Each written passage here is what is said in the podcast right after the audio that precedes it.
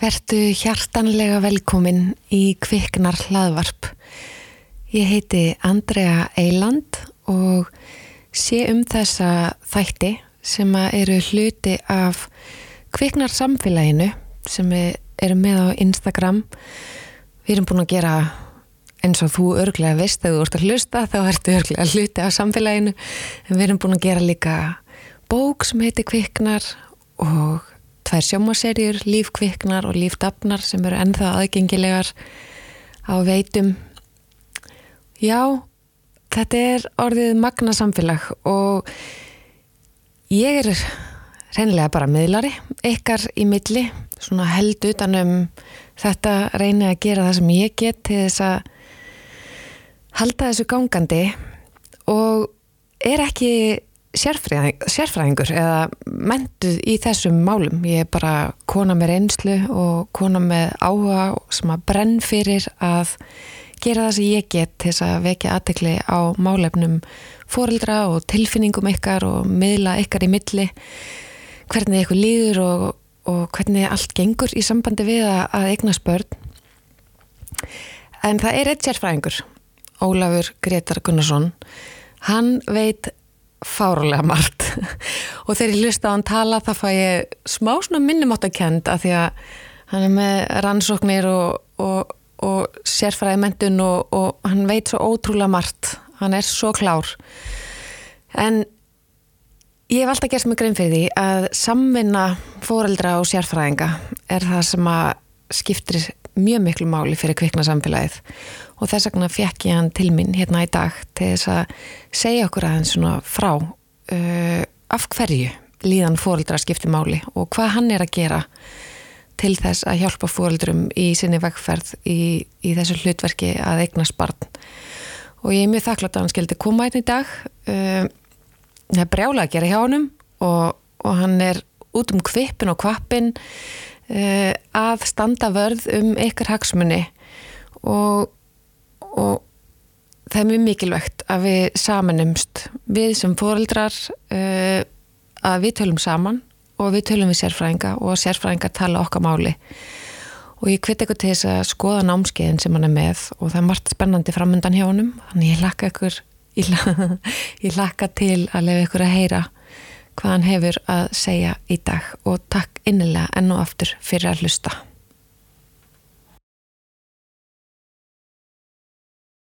Hann er komin, hann Ólafur Gretar Gunnarsson. Ég sko heyrði hann fyrst tala í öðru hlaðvarpi og hann fór beintin í hjarta á mér. Hann er svo mikill viskubrunnur að ég hef bara, ég hef sjaldan vitað annað eins. Og ég fann það strax að hann hefði sömu ástriðu fyrir foreldrum og ég. Hann er bara miklu meiri vittnesku miklu meiri svona, já hann er náttúrulega með mentun og, og allt saman og því líka reynslu.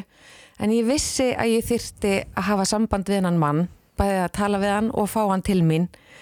Og sem betur fer sagði hann já fyrir ég baði hann um að koma í pröfu á hlýjuhofunni hjá Kampei um daginn og eftir að hafa talað við pappana sem að voru með honum þar ég bara, sko, þessi, þessi maður þarnast áhörnar og við verðum að fara eftir því sem hann er að segja. Hann skrifiði meðal hans grein í Ritgeðvendafélagsins sem heitir Fjölskyldu vernd, feður og frumtengsl og það er það sem að þú ert að berjast, berjast fyrir. Það eru réttindi barna og feðra þeirra í raun og veru, þeirra tengsl. Í raun og veru? Já.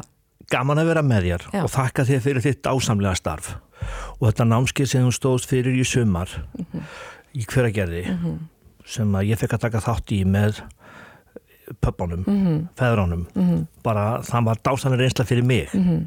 og það sem við þurfum að vinna í það er að gefa körlum tækifæri við fórstendur til að fá að njóta sín eins og þessir feður fengu í nokkra klukkustundir það þurfa allir pappar að fá. Og mér langar að koma því að að núna í januar er ég að halda námskeið fyrir sagt, karla sem er að huga aðgjarnaði mm -hmm. fyrir karla á meðgöngu og fyrir karla sem eiga börn að sex mánað aldri. Mm -hmm. þeim að kostnaða lausu wow. og uh, það er einhverju búin að skrá sig strax það er að það var samband við mig gegnum síðuna mína meðgöngu fræsla Óla Skretas mm -hmm. en ég er mjög upptíkin að þessu tímabili sem sagt, uh, sá stóri hópur sem að er uh, festækandi sem er lengi að verða bassamandi að fólk að pör noti þau þann tíma mjög vel mm. Uh, saman hvernig pör það eru þú veist, ég er, er mér finnst ágættis svona þegar við erum að tala um kynin mm -hmm. þú ert með 25 litninga mm -hmm. ég með 24 mm -hmm.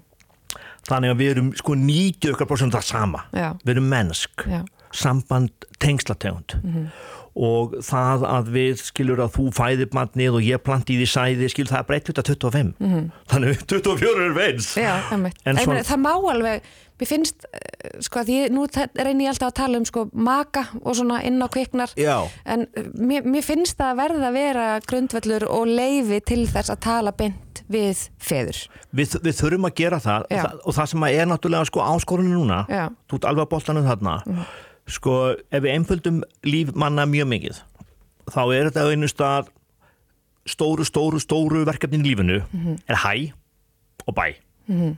þetta er bara tvö orð með tveim stöðum í hæ og bæ uh, hæ við að verða foreldri og, og breytingarna sem að það semst hefur í förmjöð sér mm -hmm. er bara allra staðista hæ mhm.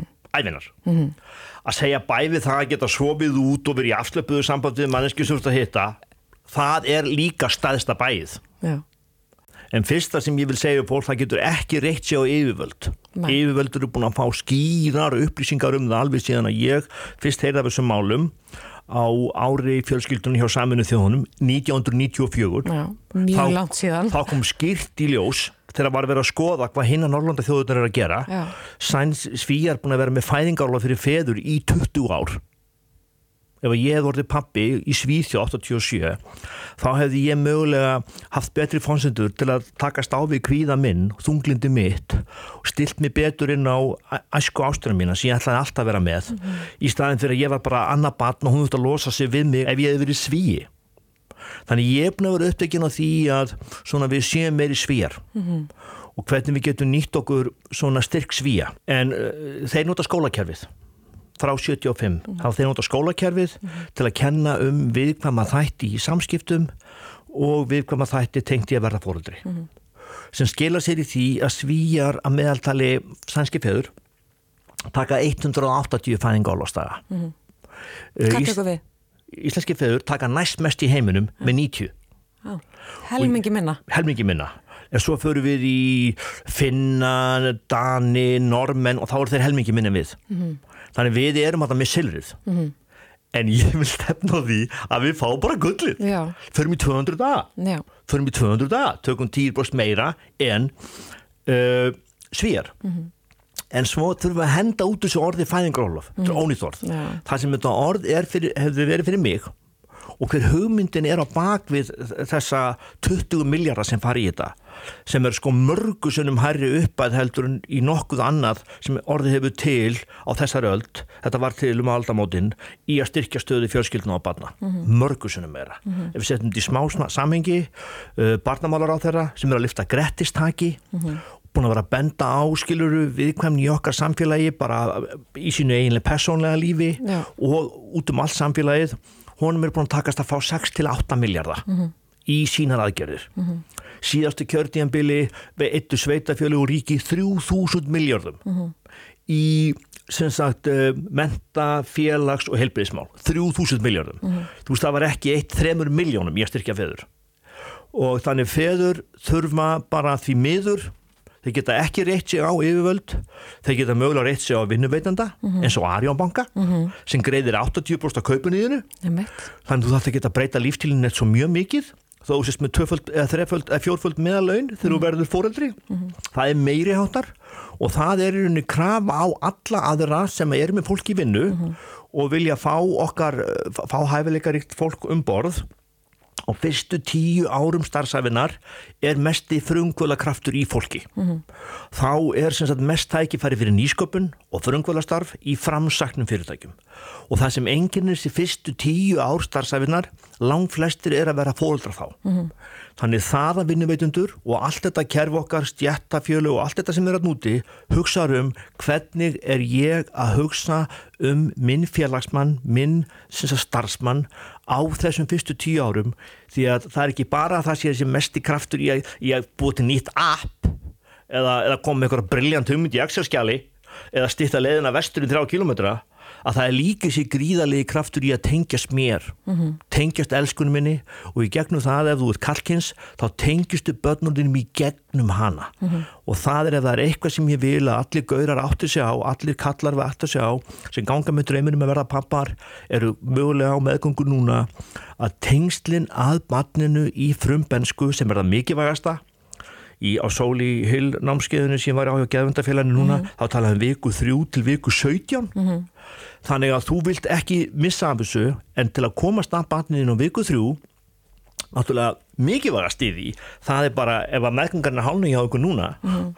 ef að ef að ykkur er að hlusta á mig sem að er sem sagt á elsku núna sem bara er um það bil svona komin meðgöngar hálnuð og þeir sem að var ansaka best stuðning við verðandi feður og karla bara í barnirnaferli þú veist, get, reyna að fá getnað eða með barni fangi á fyrstu vikum og dögum á mánuðum mm -hmm. að það er þegar meðgangan er hánuð þá svona meðal vesturlandagægi mm -hmm. þá tekur hann fyrst svona alvarlegu borð já. ég er að verða pappi þegar kúlan fyrir að já, springa út já, og, kúlan er, konan er með tíu vikna fórskótt hún tekur þetta er sagt alvarlega sagt, þegar hún komið tíu vikur mm -hmm. þannig þess vegna að framtíða pappin nýsköpuna pappin, gaurin sem er að sækja fram hann vil sagt, reyna að kveikja á sér fyrr mm -hmm. en ásynst að meðgengarnir hálnuð fljóðlega eftir það getur hann byrjað að tala við barnið mm -hmm. fóstrið, tvær mínútur á dag mm -hmm. að það er ekki að vera með tvær mínútur á dag sem sagt setni hluta meðgangu og barnið síni merki um sterkari tengsli pappa þar kemur í heiminn þetta er minnin eitt júruvísjónlag Já. Þetta er mýrin eitt Eurovision lag þannig að þú tegur upp Eurovision lag þrjár mínútur, ég held að sé sniðu 20 mínútur mm -hmm. uh, náttúrulega það stóra sem við erum að takast á við að það er að venda geðið mm -hmm. og Gottmann-hjónin síndu fram á það 1999 með 10 klukkustunda fræðslu fyrir pöramæðgangu mætti minga líkunar uh, á þunglindi hjá þeim báðum mm -hmm. um meirinn helming um meirinn helming 1999 En þú ert búin að, sko, þú, þú, þú veist svo margt um þetta og þú ert með svo mikið að fræðumönnum og rannsóknum og alls konar bakviði og þú ert búin að vera að reyna að ná einhvern veginn áherd búin að reyna að ná þessu inn í skólakerfið þú veist, fræðislu um það hvernig er að eignast barn og allt þetta. En það, það, það, er, það er ekki alveg að vera að taka þetta alvarlega. Það er svo rétt Hver er hindrun? Ég skil ekki. Já, sko, það eru hindranir. Það eru alveg nokkrar hindranir bara sem yfirvöld sem er í bóði yfirvalda Já. og það er það að það er maðuravend í helsugjallunni og það að sveitafjölu verja litlu sem engu fjármagni á mikilvægustu þúsund dögum uh, í lífi barna Já. og mikilvægustu þúsund dögum í lífi fullorna mm -hmm. frá getna þetta tveggjára mm -hmm. og það bara stendst alls ekki í skoðun Nei að hvernig sveitafjölug rástafa fjö mm -hmm. og sangvandi Heckmann-kúrfunni mm -hmm. Nobelselna hafa í hagfræði mm -hmm. þá bara eru allir fjármálastjórar allra sveitafjöla á Íslandi með fallengun Já. þeir getur bara snúist til frekar að einhverju öðru Já. basically Já. Bara... Já, en, ég, en sko þetta er það sem mér finnst svo merkilegt þetta, þetta að meiri ó... segja þó að þú sést búin að einhvern veginn að útskýra þetta með mjög einföldum hætti að þetta er fjárhagslega, því mér finnst þetta svo margt veist, alltaf, alltaf allt of mikið snúast um peninga. En það er samt búið að útskýra fyrir þessu fólki. Þetta er fjárhagslega hagkvæmt að einbita sér að foreldrum á þessum tíma og börnunum þeirra.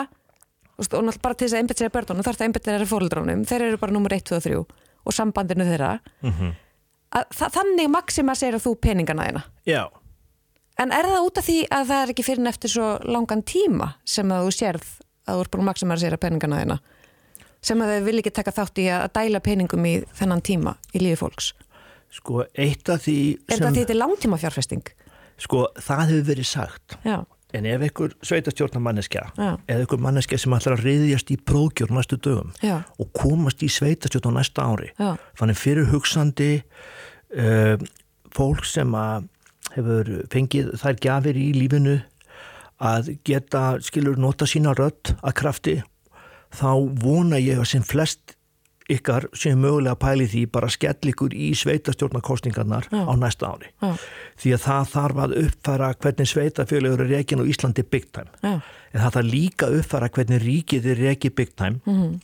og ríkið það svona kemur mjög illa fram við sveitafjöluðin passar sig upp á að láta þau hafa bara svona meiri hlutana fjármagninu sem þau þurfa í, í, í hvert verkefni, mm -hmm. ekki allan peningi sem þau þurfa mm -hmm.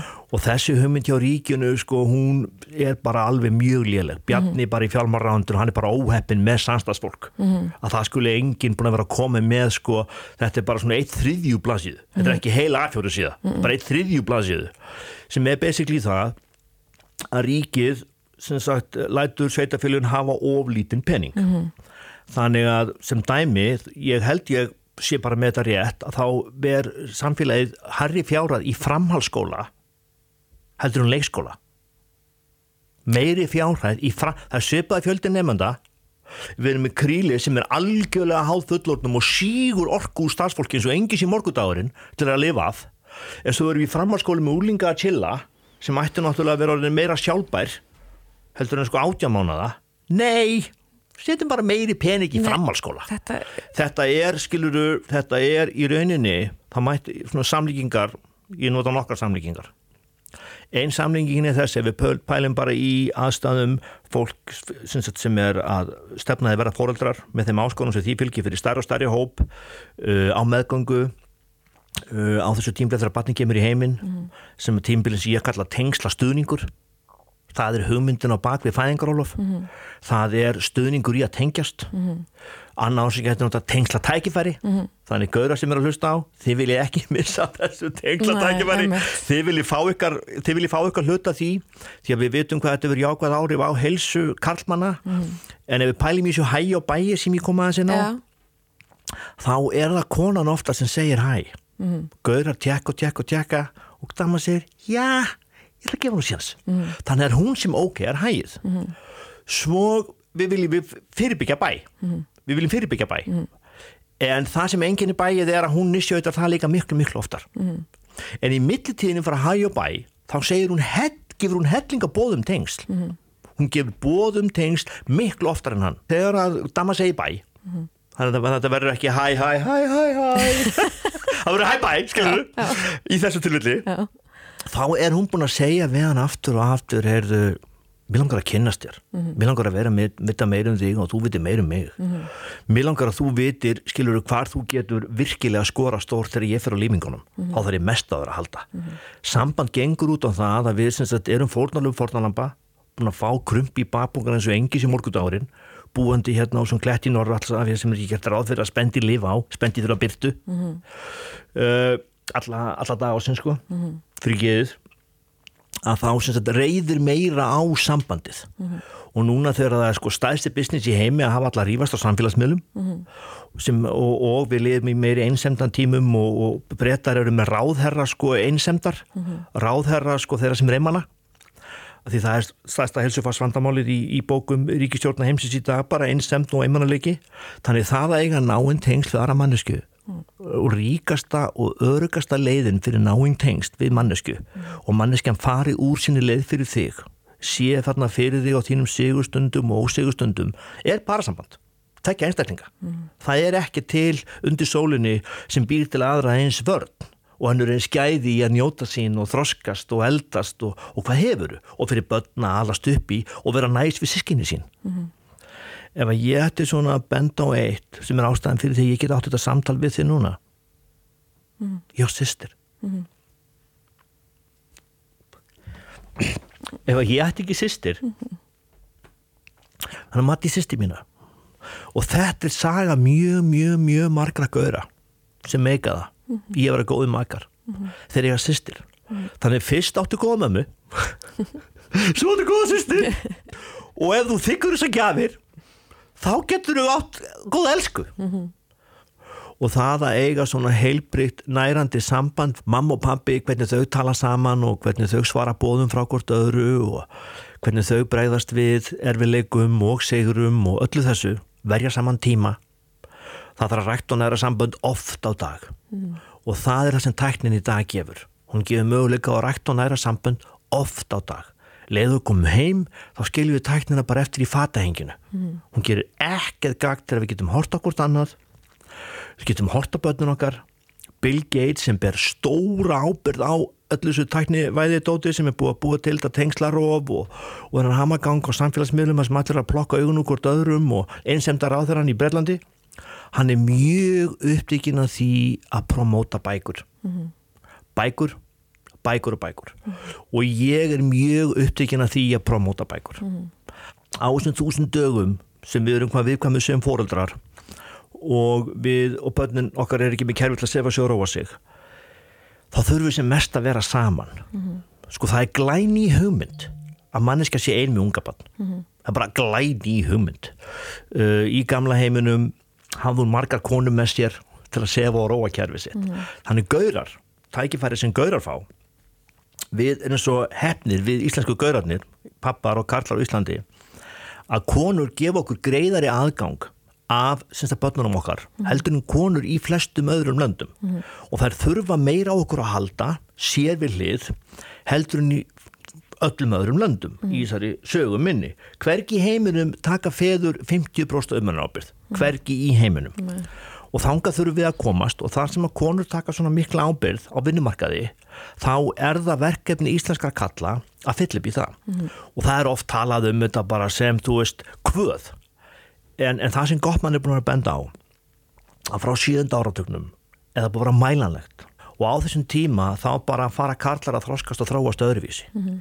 þeir byrja að sækjast meira eftir því að vera í nánu sambandi við elskana sína og vera í nánu sambandi við bönni sín og hér á landi hefur alls ekki verið nógu mikið gert til að virkja þessa náttúrulegu tengsla ummununar orku sem í körlum býr mm -hmm og ég er mjög upptökin að því og hefur mjög upptökin að því hvernig við getum gert það. Við getum gert það með því að við eigum samtal fyrir getnað. Mm -hmm. því... Já, því þarna finnst mér þetta að byrja. Já, já. Þú veist, uh, sko, í raun og veru, þú veist, með þessari fræðslu sem að þú hefur náttúrulega verið Þú hefur verið inn í skólunum síðan 2004 þegar landlækningsæmbati gaf það út að það ætti í raun og verið að vera fræðsla fyrir? Grunnskólanemundur. Grunnskólanemundur. Þeir skrifuð upp til yfirlýsingu frá mér. Já, að það ætti að vera fræðsla fyrir grunnskólanemundur um, um það bara hvernig er að eigna spatn og hvernig þetta allt saman fer fram. Já. Þannig að, sko, nummer eitt, ég myndi mælast til þess að ef einhver, einhver hlustar á þetta sem að, hérna, ræður einhverju, þetta er náttúrulega gössalega óþólandi að það skulle ekki verið búið að ná til ykkar þarna úti, en þetta þarf náttúrulega það þarf að byrja þarna. Og svo þarf að þarf fólk að tala saman fólk þarf að tala saman. Erum við að fara að egna spatt, viljum við egna spatt ætlum við egna spatt, við ákveðum þetta náttúrulega ekkert bara, já náttúrulega nema eins og þú talar um með nýjar, nýjar aðstæður og nú getur, getur konu farið í sæðisbanka og eitthvað þannig. En ef við tökum það út fyrir þett, þessa umræðu, að því nú erum við að tala um mikilvæg feðra í þessu þessu öllu saman að þá, þá þarf að, þarf að vera við þurfum að vera sammála. Já, við þurfum að eiga samtala um þetta Já. og einu stað, sko, við erum með rannsóknir. Já. Sem sína hvað feður hafa mikil áhrif á börn. Já. En það sem að má koma fram náttúrulega í þeirri umræðu, það eru feður í sterkum tengslum við börn. Mm -hmm. Við þurfum að vera sammála um það að við viljum eigna spatt og einn leist svona til að meta að við séum bæði sammála um það, mm -hmm. að það er til skiptis sem að við berum málefni á borð. Já það er ekki annar aðlun í sambandinu Nei, sem alltaf verður að bera það bort þá er það ekki vísbytningum að við sjöum bæði á linn og ég tel bara með við allt sem við vitum í dag mm -hmm. að bara mjög margir getur bara valið að finna sér þriðja aðila mm -hmm. á þeim tíma mm -hmm. hvernig ætlum við að hafa til að leita til mhm. þegar á reynir mhm. og uh, sem sér málinn frá fælegu sjónarhortni mhm. Þú ert, þú ert fjölskyldu og hjónubarsákjær Já, og ég er náttúrulega það sem hefur breytt mér mest, Andrea Já. það eru gaurar sem ég hef séð sem alltaf verða álinn því ég var náminni mín í Breitlandi, ég segi frá þessi í greininni í gefendaplæðinu mm -hmm. og kynist ég mæk mm -hmm. við erum báður að vinna sagt, í hlutastarfi á leiskóla, ég með náminni mínu og ég var sagt, búið með fyrsta árið að þremur mm -hmm. og búin eitthvað tvö börn sem kláriðu leiskólanám þegar ég kvalifæði þessi starfsmæður á leiskólan mhm. hér eru við að taka krakka kannski oft svona sem að veit ekki hvað þið vilja gera í framtíðinni Já. eru kannski að takast á við ykkur áskorunni í lífunni, veit ekki hvað þið vilja gera fara að finna á leikskólum og kannski eru 20 ára og þeir eru búin að vera í þrjá mánu og er deildastjórar og, og, og vísa 20 ára einstaklinga sem oftast eru dömur, stúlkur að, um, að það er bara að fá hellingabönnum mm -hmm. Og, og eitt bann eða fleiri af öllum þessum bönnum koma frá heimilum sem er í miklu ójabægi mm þannig að það er bara ekki fallegt að gera stúlkum þetta. Mm en, eða, eða starffólkjáleiskulum almennt, það er bara ekki fallegt. Við þurfum að, við þurfum að þar meiri sko embætismenn, stjórnmálamenn þurfa bara að þykja meira vandum fólk í verki. Mm -hmm. vandum fólk í verki bara frá getnaði og þanga til að mm -hmm. háaldrað. Það er það sem vandar og það er skilning skilning og, og þegar þú verður valdamaður og ráðamaður þá eru börninni vilt sko komin í framhalskóla eða háskóla. Einmitt. og þá ættu bara að pæli framhalskóla og háskóla en pældu líka í því pældu líka í því stjórnmálamaður að barnið þetta í framhalskóla og háskóla á eftir að eignast barn. Þá eftir að skoða barn. Og þú vilt mögulega fá að hitta barnið ekki bara aðra hverja viku þegar það er skilið. Já. eða einu snýjum mánu eða verður snýjum átakaskilnaði þú vilt bara skilur hugsa þetta svona og, og það er líka sem ég er mjög upptökin af og við alda í tengslasettinu við heldum uh, námskeið fyrir ömur og afa, verðandi ömur og afa. Og ég ætla að gera meira því á nýja ári. Það var meiri háttar ánægja með það. Mm -hmm og, eh, og svo náttúrulega það sem er búið að hafa mikil árið á mig síðan ég byrjaði að skrifa þessa grein fyrir geðvendablaðið snemma á síðast ári þá vorum við alltaf pálsbyrjuð að tala saman. Mm -hmm. Og, og síðan var þetta félagi fyrstu fimm mm -hmm. sem er mhm. alveg meiri átt af félagskapur Frábært. en það sem að sést í fyrstu fimm á starfinu þínu meðvitaði foreldrar Uh, allur þessi kraftur sem er aðna mm. og rey og all, allt þetta fólk mm. er að leita, leiða til að vera í sterkari tengslum Já. og það er bara þessi alda tengsla bylgja Já tengsla bilding mm -hmm. eins og alltaf kallar það yeah, sem er eigað sér stað og, og, og hún þarf bara að fá vind í seglin og sól í andlitið alla dag ásins, ofta dag mm -hmm. Og, uh, og svona í tengsla bildingunum við tökum bara í parsambandi þurfum að sjá um það sjálf mhm. og hvernig tækingum að gagni svona þrjár snertingar á dag mhm. það er að sem að sambandi þarf mhm. við svona þegar við kveðjumst kissust við í 6 sekundur 1 sekunda 2 3 4 5, 6 6 okkurna kossin sem Gottmann er búin að tala um í áratögi mm. hann er sem sagt dæmið um A að hvað er endilega að kissa? Mm. og það er Já, og það nærir allt kerfið og bara þvílið heilsefn Akkur gefa okkur ekki tíma fyrir þetta, ég skilða það ekki. Það er gríðalega góð pæling. 6 sekundar kossin, hann er líka ef við höldum ekki út í 6 sekundur mm. þá er svona lefsla sem það er að taka á. En það þurftu kannski bandar ágjöfu þér. Nei bara tala saman, tala saman. En hvað á til dæmis fólk að gera sem að er núna orðið aðstofangið, það er búið að segja hægið. Mm -hmm. Og það er svona farið það er jafnbrettir skurndvellur í sambandinu já. þú veist, ég er búin að nefna börn þú ert búin að nefna börn og já. við erum svona já, við erum greinlega sammála já. hvað gerum við þá? sko það sem við gerum þá við viljum öruglega að meðgangan verði eins ánæguleg fyrir okkur og mögulegtir Já. það er tímill að njóta uh, það er sem sagt uh, tengir okkur meira saman heldur nokkuð annað Mhm. við að vera fóreldra saman uh, og síðast í tíminn við erum að fara að lifa áns að vera fóreldri já, þannig við viljum svona hugsa sérstaklega vel um heilsuna. Mhm. ég er mjög upptekinn af úthaldi. Ég var að hlusta á eindilega samtalið við Björn Gretar. Mhm. og það er svolítið svona um hann og Jenny bara dásanlegt efni. Mhm. og ég hugsaði bara að ég var að hlusta á þetta. Björn Gretar fættist fyrir 30 árum síðan. Þá var búið að vera fæðingála fyrir feður í Svíþjóð í 15 ár. Mhm. þannig ef við hefum verið eins og svíjar skilur hvað möguleika pappi Gretars hefði hefði á að njóta sín. Emmitt og mammas. Mhm. þannig að sko og svo fyrir hann í eina fína framhalskóla sem hann var ránaði með. Meina, eða eru bara kent það nú líka bara við hverju að búast í nánu sambandi. Já. einn áfangin um það, haft það svona með. Þannig að hann þurfti ekki að vera pappi annarsinn Mhm. til að fatta. Ég heyri það mjög oft með pappa Já. að þeir þurfa að vera pappar í annarsinn það er svolítið svona saga mín. Mhm. að til þess að virkilega taka um borð svona hvað þetta er mikil gjöf Mhm. og, og við Já, eða sko bara já, ég meina við, við, við þorlegu sko ég held að við uppgötu það núna með síðustu tvö börnin sko Já. hvað þetta verður mikið gjöf og við eigum sikkur nokkur börnin sko. mhm. en það er fyrst núna sem við gerum okkur virkilega grein fyrir því Já. hversu mikið gjöf þetta er og hvað já, hvað þetta er mikið sko forréttindi að, að, að ná þessum tíma Já. með drengjónum okkar sem við höfum nefn, við erum tveggja þryggjara Já, bara almáttugur minn hvað þetta Já. er dásamlegt. Já, og þið náttúrulega orðin 30 og eitthvað ára þegar það gerist. já, og ef við pælum aðeins allt og sent sko, Já, sem við erum átt okkur. Já, en það er einhliðin á því. En ef við förum til Svíþjóðar þar sem sænski pappar taka 180 fæðingálostaga mm. meðan við tökum 90 eða 180 uh, tengslastuðnistaga Já.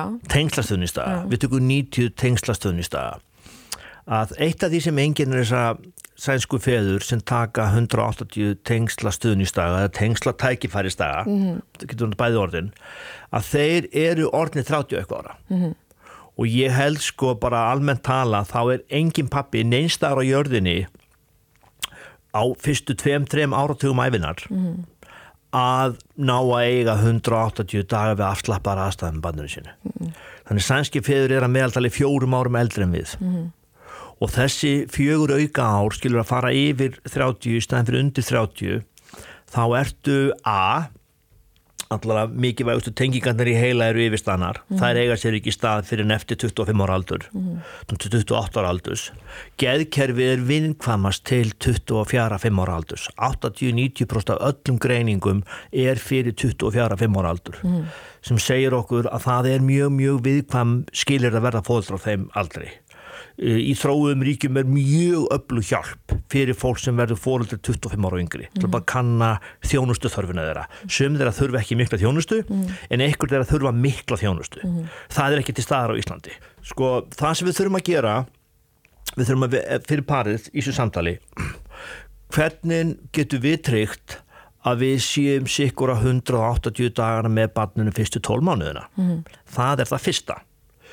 Svo nummið tvö þetta er það meira sem þarf að tala um skilur, skilur hverju draumar okkar eru hvernig viljum við njóta þess að vera foreldrar hvernig, hvernig ætlum við að bregðast við þegar ykkur er veikur uh, hvernig ætlum við að bregðast við ef við lendum í miklu mervileikum uh, hvernig ætlum við að halda upp á sigra hvað á að vera alveg heilagt hjá okkur fyrir okkar grunngildi í tengslum og skipulagi og gildum.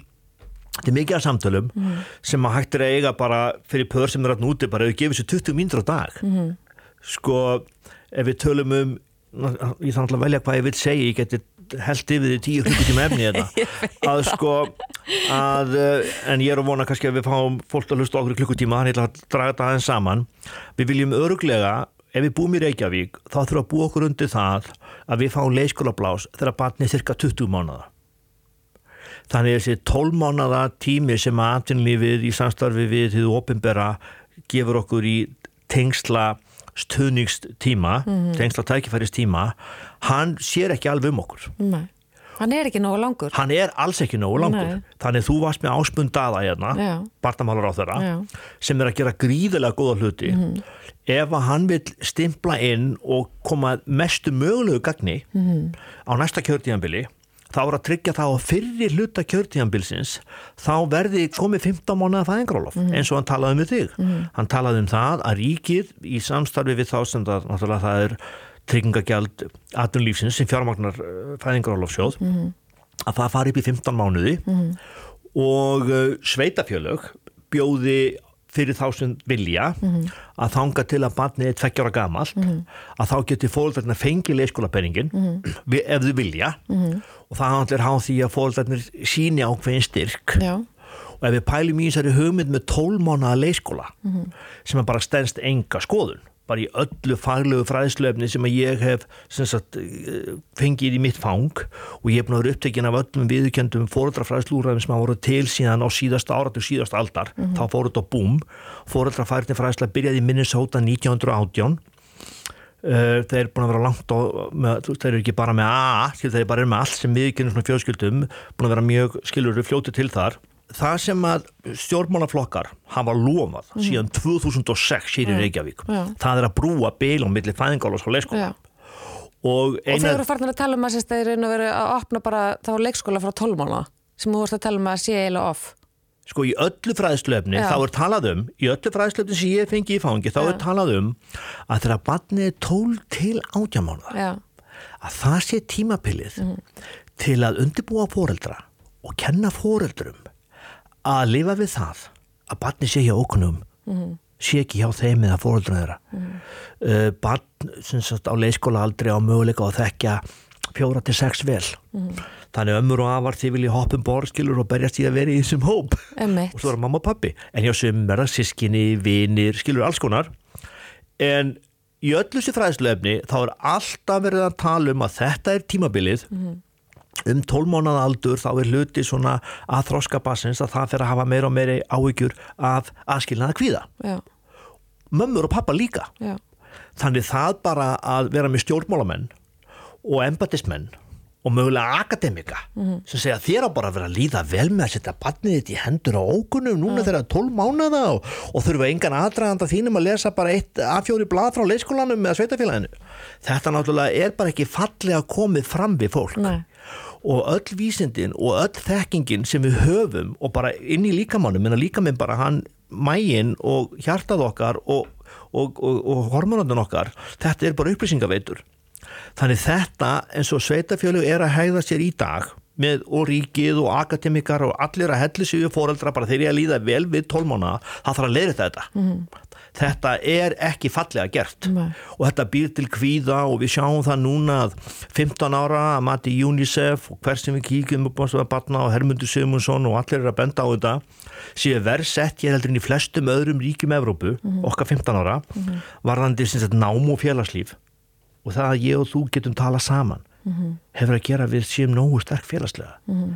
þannig hvar eru okkar 15 ára stödd þá þegar þau að verða fóröldrarinn í framtíðinu og svona mm -hmm. að það er gríðarlega stuðning í framtíðinu og fræðst í skólakerfinu og öllum stigum háskólinn getur ekki sleppt í bara einhvern einasta háskólafægi þarf að vera eitthvað tengt í bara hvernig þú meikar það sem sambandstengsla vera í makasambandi, í fóröldarsambandi þannig að það sem að við þurfum að ákveða að í þessari pælingu sem er í, í öllum plöggum stjórnmálamanna stjórnmálaflokka, brúa bylið brúa bylið millir fæðingar og lofs og leiskóla þarf að vika mm -hmm. það gengur ekki bara út á að smala tólmána börnum minn á leiskóla mm -hmm. 20 ára starfsmæður fái 5 í fangið kannski fleiri mm -hmm. þetta er bara ónýtt hugmynd og svo fyrir barnið þaðan með þetta uppnáminn í grunnskóla og þá segir við 15 hvert barn þar stöðning mm -hmm. þetta, það, þetta er bara galin hugmynd. Mm -hmm. Vist þú mikilvægt, er það það sem þú ert að segja í grunninn?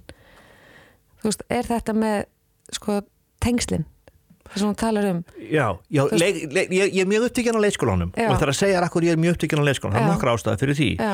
2002 var haldinn fyrsta rástefnan með uppeldishæfn á Íslandi. Haldinn að hóttu sögu 22. november 2002 og það var þessi bók hérna kynnt. Mm. tilefni var ásar rástefnu var að kynna þessa bók. Að alast upp aftur annast okkur sjálf Já. annast okkur sjálf og í þessari pælingu í annast okkur sjálf þá þurfum við að skoða hvaðan við komum mm -hmm. þannig að fyrir fólk sem er að huga getnaði það getur kíkt í þessa bók hér mm -hmm. og svo er samnefandi minn sem var líka fyrir miklum áhrifum frá Jean í náminn okkar hún Filippa Perry, mm -hmm. hún skrifa þessa bók hérna mhm. Bókin sem hún vildir að fóldræðin hefði lesið og börnin þín fagna að þú gerir Þannig þessar ja. tvær bækur til að sé mjög heppilegt fyrir pör mm -hmm. að mhm. skoða sem er að hugsa um að verða fóreldrar. Mm -hmm. Og svo getur það líka náttúrulega þessa bók sem ég gaf hér, lögmálinn sjöfum velgengni, mm -hmm. þar sem er verið að uh, kynna bara vest, Östurlandar hespiki fyrir Vesturlöndum, Deepak Chopra, hún er líka mjög áhugaður. Mhm. En og þessi hérna Pappin eftir hann Ingolf, Já. þetta er meira átta bók mhm. og svo bókin sem að ég er að reyna að fá í fang sem allra, allra flesta, gengur mhm. ekki mjög vel mm -hmm. en hún er í, í fullu gildi mm -hmm. það sem karlar vilja vita og hér er bara að vera að tala um það sem karlar geta velt fyrir sér og konur mm -hmm. hún, í Noregi heitur hún það sem karlar og konur vilja vita Já. og seldist mjög vel, ég hefði sem nátt að breyta til það er bara það sem við viljum vita það sem við viljum vita, mhm. það sem við viljum vita mjög góð pæling mhm.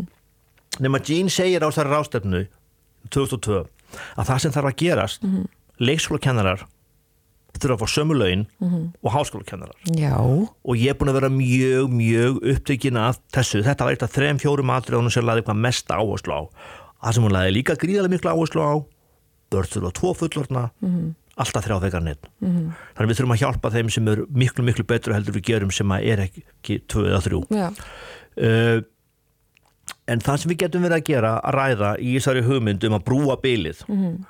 og það sem ég er upptökin af bara fyrir fólki sem er sem eignast bad núna mm -hmm. sem er sem sagt gengum með bad núna, er bassamandi núna eða sem sagt er með bad á fyrstu tól mánuðun mm -hmm.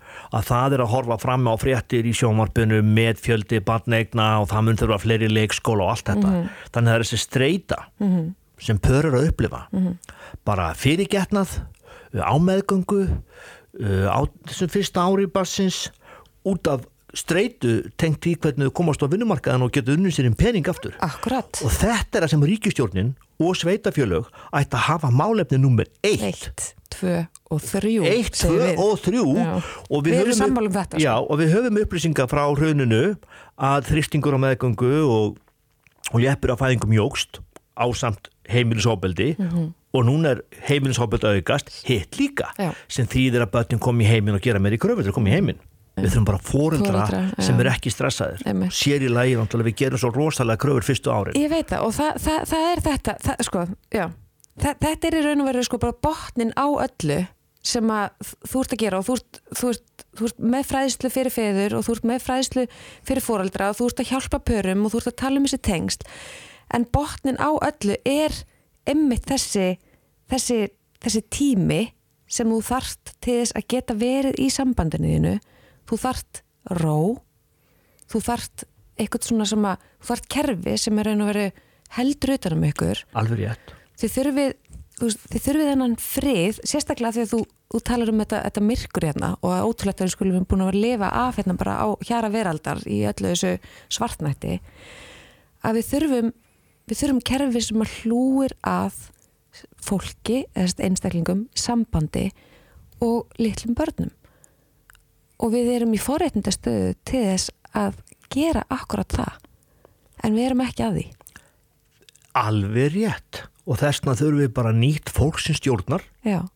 og fólki sem, að, sem er þegar að stjórna Já.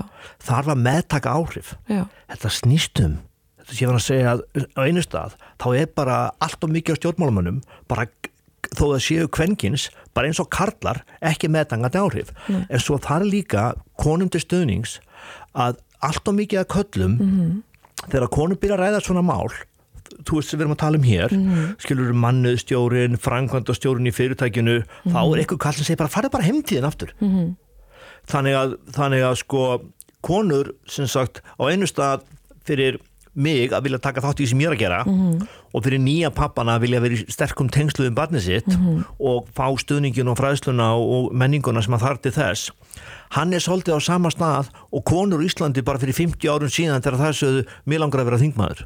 Akkurat. Þetta er svoleiðis. Ég veit það. Þetta er svoleiðis. Þetta er nefnilega málið. Þannig að, að konur geta máta sér í þessum aðstæðum mögulega þannig að við getum í rauninni valið sko. Mm -hmm að sinna frum þörfum drengja í frum bensku mm. þá þurfum við ekki að hegna þeim fullortum mm. sleppið þið bara mm. því að þetta er það sem við vitum við verðum til á þessum þúsund dögum og ef við fáum ekki þau skilur sem við þurfum á þessum þúsund dögum en það sem er svo magna þegar að fólk verður fóröldri í fyrsta sinn ef við segjum við í minnipælingu þá fæðustu tviðsvaræfinni mm. við fæðumst náttúrulega þau komum út um mömmu mm. svo fæðustu svona verallega svona þegar við verðum fóldra í fyrsta sinn mm. þannig að það eru tvær kynnslóðir mm. sem að eru að gangi gegnum bara viðbjörn sem gefur bara einu sinn á efinu mm. yfirbjörnum sem bara einu sinn á efinu og þegar við talum um fræðslu og stuðning og við erum búin að gera allt út á fræðslu skiljur 200 ár mm. en fræðsla hefur mest áhrif á ákveðnum tímapunkti á lífsleiðinni Já. út af hormonastarðsemi, streytustarðsemi bara sagt, uh, náttúrunni í okkur og bara mm. sem við vitum við viljum standa okkur vel, menn eina af mm. ástæðanum fyrir akkur svona vera fóröldri, eina af allra allra efstu ástæðanum, eitt eða tvö við viljum að gera það svo vel mm. þannig, þannig að verkefni okkar sem samfélags, það er að hjálpa fólki að njóta sín á þennan hátt mm. en, en ég er upptökin að því að ég tel leikskólastíið og það að það sé varði meiri peningum í framháskóla nema heldur en leikskóla nema mm -hmm.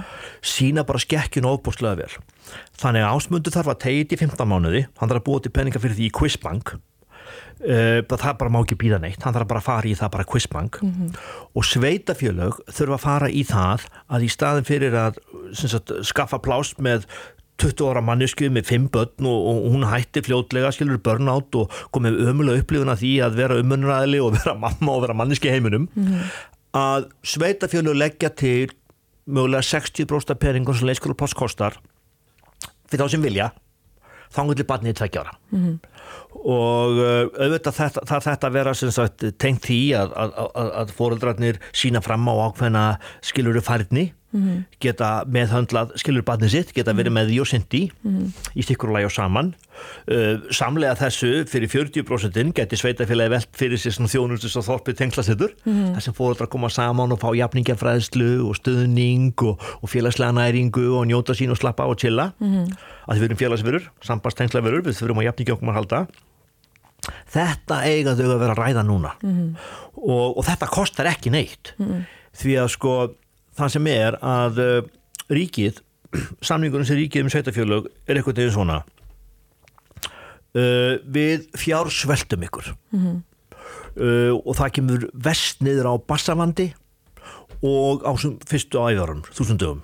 Þannig kemur þetta fjársvelt okkar skýrast í ljós svo ferir sér leikskóla stað sem í gang mm -hmm. og hún stænst ekki lög mm -hmm. lögin segja 67% skuli vera mentaðir en það er í Reykjavík að komi niður fyrir 20% sennilega núna við erum fáið tölun næst ári og þannig á færri deildum leikskóla í, í Reykjavíkuborg er leikskólakennari meiri hlut í deildana pluss 20 börn engin leikskólakennari mm. þetta, þetta er bara veikasti blettu þetta er bara stænst ekki í skoðun. Og við erum að fá hörmungasögur úr fortíðinni hvernig komum við fram í börn og við erum ennþá bara að búa til hörmungasögur fyrir framtíðina. Þannig að einhver stjórnmálamæður vonandi segir bara, veist, það er bara eitt stjórnmálamann í þetta bara eina mannesku uh, að sem sagt um, En með fullri virðingu samt fyrir þeim, þeim því starfsfólki samt vegna þess að ég, ég meina einn uppáld starfsmæður á leikskólanum hjá strákunum mínum, hann er einmitt bara tvítur gaur sko sem að gefur sér alltaf tíma í að vera í núinu með strákunum að leika. Þú veist, hann er ekki í neinum svona aranseringum, hann er bara á staðnum að leika taka þátt, fylgjast með skilur Dásalegt, dásalegt, dásalegt En þú veist, en þetta er náttúrulega þú veist, þannig að það væru líka aðtöða sko, sum, sum, sum bara, sum bara geta þetta skilur, en það þarf náttúrulega að vera hlutfæðslega auðvitað, mentar, ég, ég átta mig á því sko. og þessi pælingum ef að karlar taka sína 180 daga í tengslastöðning, mm -hmm. tengslatækifæri mm -hmm. toppa svíðan að bæta við 20 dögum, mm -hmm. þá er kannski bara pælingin að við erum fyrir þá sem er að hugsa með um eignar spatt núna að vinni því að við gerum skipla og gerum ráð fyrir því að við verum sjálf með það í 15-18 mánuði mhm. tökum bæði sömafríin, sekurum megin, skilur við mhm. Sagt, tengsla tíman mm -hmm. þá eru þetta 12 mánu átni 15 mm -hmm. og mögulega ef við erum svolítið svo þjóðverjar skilur upp og söpnum smá pening mm -hmm. fólk sem er lengi að huga að getna því, þú veist það getur mögulega gert það vera með til 80 mánuða eða bara lifa við í lítilli íbúð með eitt lítinn bíl eiga eins minna já, þegar ég sé svona bíla flottustu gerð með tveim bílstólumattur í kannski þú veist vera mæti í rættina millir þrjú og fjögur. Uh, fóreldrar eða ömmur og afar skilur skipt ekki á, á hvað aldrei þau eru. Þá að ég, aaa, akkur eigaðu ekki sko kóruðubíl og vera að ná í batni á leikskóla núna eða peningum í þetta svaka tæki Já. og vera mæti í rættina núna. Já. ég mæli endalist endal, með rættinni ég bara segja bara hvernig ég hugsa. Ég hugsa allt út frá því hvernig þessi þúsund dagar taka sem allra allra best og tækifæri sem höfum á því sviði. Mm. þannig einhver hluti fóreldra geti mögulega hoppa á þennan vagn mm. verið meira með börnin þangatöður tvekkjára mm. bara vera með alveg einhverju get og fengi 60% af penningunum mm -hmm. eftir 15 mánuða aldur ekki kemur með 15 mánuða aldur mm -hmm. einhverju getur fengið hálfpláss mm -hmm. og fengið 30% af leikskóla penningunum og einhverju getur fengið bara 6 tíma sér að kostnaða lausu en fyrir alla sem eiga börn í leikskólu núna það að gera hlutina hægar vera meira með börnunum sínum Uh, sinna þeim sem allra best heima passa upp á því fái svefni sinn mm -hmm. fái samskiptanæringu fá þetta andlega íla sem þau þurfa með samveru. Þetta er endalust að ráðum hvernig það er gert leita sér hjálpar um það og er að finna það bara út um allt hvernig það er gert. Að þá er barni betur nært þegar það kemur í leiskólan mm -hmm. þá á til 20 ára starfsmöður sem er annars börnin þín þá hefur hann betri fórsendur til að sinna öllum börnunum vel. Mm -hmm. og uh, Akkurat. En þetta er líka, það er svo það er svo agalegt í þessari umræði að það sé verið að segja til dæmis við fólk hérna það er kannski allar að fara í skóla eða er að, er að milli vinnu eða jafnvel hjá vinnumálstofnun get, þú, þú, þú getur alltaf fengið vinnu í frísnundaseli eða leikskóla. Veist, þetta þarf að taka út af því þetta, nei ég vil alls ekki að fólk hendi sér tímabundi inn í starf í, í skóla eða leikskóla uh, meðan það er á milli einhverstaðar og er að fara eitthvað annað. Ég vil bara fá starfsfólk inn á leikskólana sem að annarkort er mentað eða bara actually vill vera þar og sér fram á að vilja hlúa að börnunum okkar. Þetta á ekki vera tímabundið uh, eitthvað svona íhlaupastarf sem að þú sem þú dettur inn í að því að þú ert atvinnulegs við þurfum, við þurfum að taka líka þetta úr umræðinu sko. þetta er mikilvægasta starfið á eftir því að vera fóreldri er þetta mikilvægasta starfið að það eru þau sem eru að passa upp á börnun okkar leikskólanum og ég vil að þessu fólki líði vel ég vil Já. að þau fái almennileg laun Já. ég vil að þau, þau fái bara almennilegan aðbúnað mm -hmm. og þá virðingu sem þau eiga skilið að vera sjá um börnin mín þegar þau eru lítil Já. stóra hluta dagsins sko, fleiri klukkutíma á, á virkum degi heldur en ég fæ að vera með þeim Skiljur, þannig að það, það, það er svo mikilvægt þetta við þurfum að tala upp þetta, þetta, þetta leikskólastarfsfólk sem að er að annars börnun okkar og við þurfum að, einmitt, að mæta þeim. Við þurfum að skila börnunum eins og þú segir með því að vera búin að mynda við þau tengsl fyrstu tvö árin, skila þeim vel inn á leikskóluna og svo að, að, að leikskólanum sé með pening til þess að annars þau síðan næstu árin fram að, fram að grunnskóla. Því að þetta er krúsjál tímin, meiri saðan öll leikskóla árin, krúsjál tímin yfir hvernig bara þessu krakku gengur í skólakerfunu eða ekki? Þetta er svo rétt við erum, að, við erum að fá upplýsingar um það Já. að uh, frá Hermundur Simunssoni doktor í Salfræði í Háskóla Íslands og í Núregi sem er að vinna meiri hátta mikilvægt starf mm. er búin að vera svona einn af þessum köllum sem að hafa verið eins og ég að ít á kerfið alla öldina mm -hmm. sko hann er að benda okkur á það að það er að koma fram upplýsingar um að senku máltaka er að aukast mm -hmm. og þegar við erum að pæli akkur stjórnmálamenn vilja ekki, veist, verja peningum á svo þúsund dögum að því fjárfstingin kemur setna, Já. það var það sem ég heyrði fyrst með að tekur 25 ára búið til verfræðing mm -hmm. svo lengi á fjárfstingra mm -hmm. en það sem við vitum um þann sem verður 25 ára verfræðingur og er 25 ára verfræðingur í dag að og við getum nota bara sem mælistíku fyrir það sem er hugsamægnast bara núna og fyrir pólitíkusinn og, og manneskjöna með völd skilja á ríki og sveitafélagi Já. að hvernig þeim líður sem sagt áður en síðastiluti meðgöngu hefst mm -hmm. gefur mjög mikið fósparskildi hvernig þau takast á við ágrinning og síðastiluti meðgöngu gefur 50% fósparskildi um hvernig barnið þróskast og þróast fyrstu þrjú árin mm -hmm. Þetta er búin að vita alla öldina. Mm -hmm. og við vitum líka að það á síðastan hluta meðgöngu hefur streyta alvarlegustu aflengarna þannig þetta vitum við. En, en ef við með leiskólan og þetta sem við varst að tala um hvað þurfum að gera? Mm -hmm. Ríkið er búin að taka tvær umulegar ákvarðanir varandi mm -hmm. leiskóla þessari öld. Tvær umulegar það er fyrst að lengja námi úr þremur í fimm. Umuleg ákvarðan og akademikar og allir eiga þátt í að segja bara að þetta voru mistök við þurfum að vinna öðru sem með þetta mm. svo var ömulega ákvörðin tekin núna bara stjórnsta kjörtíðanbili að kennara mega flakka á milli leiskólastega sem búið að hafa þar afleðingar að 300 hafa fært sig úr leiskólanum en 100 kom inn í staðin þannig að búið að fækka leiskólakennum um 200 út af umræðunni og streytunni og skilirðunum og aðstæðunum bara háfaðinn og komast ekki á klósettið og allt þetta, mm. menn ef þú getur sloppið þá reynir þú bara að sleppa ja. það sem við þurfum að gera ég spott án með þetta unga fólk mm.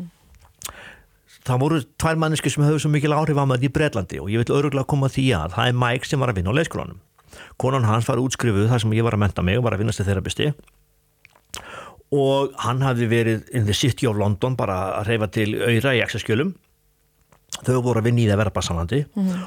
og hann vildi jafna stöðuna þess mm -hmm. hún með skilur þerapisti hann bara í exaskjölum þannig að hann vildi fá vinnu á leiskólanum og læra lítið eitt um börn til að verði ekki auka batn hjá henni. Mm -hmm. og ég er búin að sjá þetta að gera svo stofni hjá mér. Ég er búin að fá einstaklinga til mín kallkins sem eiga konur maka sem er að vinna sagt, á þessu félagslega sviði mm -hmm. og vilja jafna stöðuna. Mm -hmm. og ég vil tala við alla sem eiga maka sem er að vinna á leikskóla vinna í grunnskóla, vinna við batnavend, vinna í heilbreyðskerfinu vinna á landsbytunum eða átt maka sem er að vinna í slíku störfum þá er mjög bara ösklandi þörf á að þú berir 50% umhverjum ábyrgin heima lámark mm -hmm því að, því að makiðin er að gera þetta fyrir samfélagið sitt, hann er að fá þessa einsýn, hann er með þessa mentur, hann er með þessa reynslu. Hættan er í þessum samböndum að makin sem að er, skilur að kera vörubíla verkfræðingurinn eða, eða hvað hann er að gera, skilur að vinna í banka eða hvað sem er, mm. hann segir, þú ert með þetta, þú ert að vinna við þetta. Yeah og setur alla ábyrðan yfir já, já. en þannig að þurfum við að koma að ef þú ert svo heppin að eiga maka sem gefur sér í svona störf mm -hmm. þá vilt þú sína þakklæti og hvað þú ert gladur með það með því að bera öruglega 50% ömmunábyrna mm -hmm. og hér er tækifæri fyrir Reykjavíkuborg hér er tækifæri fyrir ríkið með sína starfsmenn að þeir fái jafningafræðslu þegar þeir vera bassamandi mm og tryggja það að þetta sé jaft mhm. þetta er alveg öruglega hægt að gera mhm. Uh, en varðandi það eru tveir sjóður sem ég horfi mikið á hjá nópinbera það eru 20 miljardar sem fara í uh, tengsla stuðning mm. Mm -hmm. tengsla tækifærið, það er einhver ólofið sem að er ónýtt orð, fæðingarólof því þetta er ekki, menna þú ert að fæðast inn í að vera fóröldri en þetta er sko fæðingarhríðir. Þetta er orlof þetta er svona framald á fæðingarhríðunum. Framald sko. Þannig að það er ónýtt orð. Það vita það allir sem hafa verið með ungbarni og missa svefn og get ekki klára setningar og get ekki þrifið sig og hvað hefuru um, borða einhavan mat og allt þetta sem er. Mm. þannig að uh, ríki velu 20 miljórum í það það verður 10 miljónum á ári í jöfnunasjóðu sveitafélaga mm -hmm. og þessi jöfnunasjóður er ríkið finnur út svona hallan hjá sveitafélagum mm -hmm. og hendriðu 10.000 miljónum ári í þetta mm -hmm. uh, sangvært mínum upplýsingum og ég bara væri mjög spenntu fyrir einhverjum rísan frambar í Kóbói eða Mósesbæða hver sem er og reknaði þetta út þá fyrir meirinn helmingun af þessum peningum í jöfnunasjóðuð í grunnskóla stuðningstjónustu mm þannig að það börn og foreldrar fá ekki þá þörf sem þau þurfa skilu á leiskóla árum Já.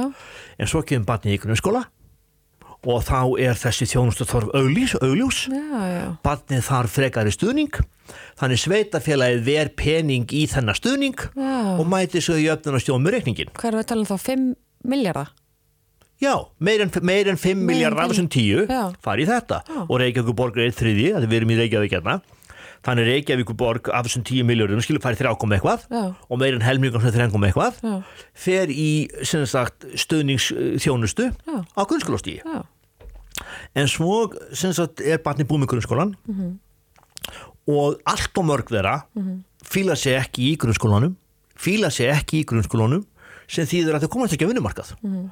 og þá tekur stóri blöður aftur með hellinga miljardum voða góður í gegnum eitthvað skilur ykkur á sjóðu sem við vitum hver eru. Mm skilur lífið í sjóðunni með virk og, mm og að fólk brennur út, út af þessu og, og uh, þú veist öður orka ja. og þetta er bara stennst ekki skoðun. Og það er bara skortur á stuðningi. Þetta er bara sára einfalt. Skortur af umunun skortur af bara kellega. Ja. eða þú stóriblóðir. Mm þannig að vanta meiri skilning og kellega. Nema hvað að ríki geti gert mhm herru í staðin er framsæki sveitafélag sem er ekki að verja neinum peningum á þessu þúsundugum býður bara eftir að boltin rulli og rukkis og ríkið þegar batnum er 6 ára. Og það eru svakalega hörmungar að baka að rukka þetta batn sem fór, skilur þegar batnum er 6 ára. Mm. það eru mögulega fóreldrar búin að henga mjög erfitt. Þau eru mögulega bara búin að líða mjög mjög illa. Þau eru mögulega skilin. Þau eru mögulega bara í dyrri þjónustu skilur í geðkerfinu og brosti draumar all over the place. Algjörlega ástæðu lausu vitum það. Mm þannig að framsækja sveitafélag gæti verið skilur Reykjanesbær og Mósesbær og bara Reykjavíkborg, hvað sem er. Ölfus hveragerði. Ölfus hveragerði, það var í magnað. Ölfus hveragerði, það var í magnað. Og Árborg og það, sem, og það eru víða framsækjum sveitafélag maður er að heyra í, það var ykkur sagt, ég vildi óskaði sem myndi hver það var hvort það var bara í Árborg. Hann var að segja, menn ef við eigum að sjá um þjónust frá 12 mánu aldrei leikskóla með skilur öllu tím faglegu kröfum sem það gerir þá fannst Stórubrú að leggja okkur pening mm. ég held að það hefði fósetti bæjastjórnar í Árborg mm. þannig þessi fósetti bæjastjórnar í Árborg hann getur sagt, herðu, áspundur við skulum bara spila þetta hérna við skulum bara búa til formúli hérna sem sínir, sinnir þörfum og drauma rætast og bygglistar í úræði og örorka og, og, og, og hérna, öryggisvistun og allt þetta bara verður ekki svona mikið mál þannig við hérna í Árborg erum tilbúin að leggja x af okkar fjármunum í þúsund dagana mm. við erum ekki að leggja neina peninga af alveg í þúsund dagana leggja einna x fáum fyrirfram eitthvað af þessum jöfnunarsjóðspenningum sem er að koma til 60 ár mm. fáum bara sem rannsóknarverkefni í þrjú ár, fáum bara helmingina en fyrirfram og við byrjum bara með góða þjónust á þúsund dögunum sem að litar skilirinn á heimilinn og inn í leyskólana mm. og sem því þá bara barnavendamál og, og allt þetta ála mingar svo bara kemur í ljós þegar barnið er komið í grunnskóla þá þarf ekki þennan penning þá. Þetta skilja sér bara 60 árum. Og við getum verið með mælistöku sem gefur okkur vind í seglinn og sól í andletið alla leðina einn mælistökan er þeim líður betur á síðast að hluta meðgangu mm. annu mælistökan er í nýju vikna skoska þunglitisbrónu komaðu bæði betur út. Þriðja mælistegan við tólmána aldur njótaði því sem betur að þau eru búin að bera umunabyrjuna jaft í fæðingrálofinu kannski tókst tónum ekki að taka helmingin á dögunum hugsan að þurft hann að færa sex vikur yfir hann, hann tók fjóra hálfamánu og hún sjö hálfan eða hún tók sjö hálfan og hann fjóra hálfan eða snúði við. En þá bara bætir þið upp bara að vera meira með það um helgar, vera meira með á nóttinni þú veist, þú bara bætir upp þennan tíma að þú þurftur að vera að vinna, jafnar að þannig. Og við bara sjáum ána í parsambandinu sem að mæla mjög skýt að bætum 12 mánuða, það er einn mælistika. Önnum mælistika við átjá mánuða aldurinn minni að hætta að máltöku fáum að læra þetta bara halvu kjörtjambil fyrir næstu kostningar herra ásmöndur ef við spila þessu út í kostningunum 2025 Hú! Þetta var bara geggjað. Ég held að við þurfum bara að taka sko, þátturinn er bara eiginlega þessar þessar, þessi ræða. Þetta er geggjað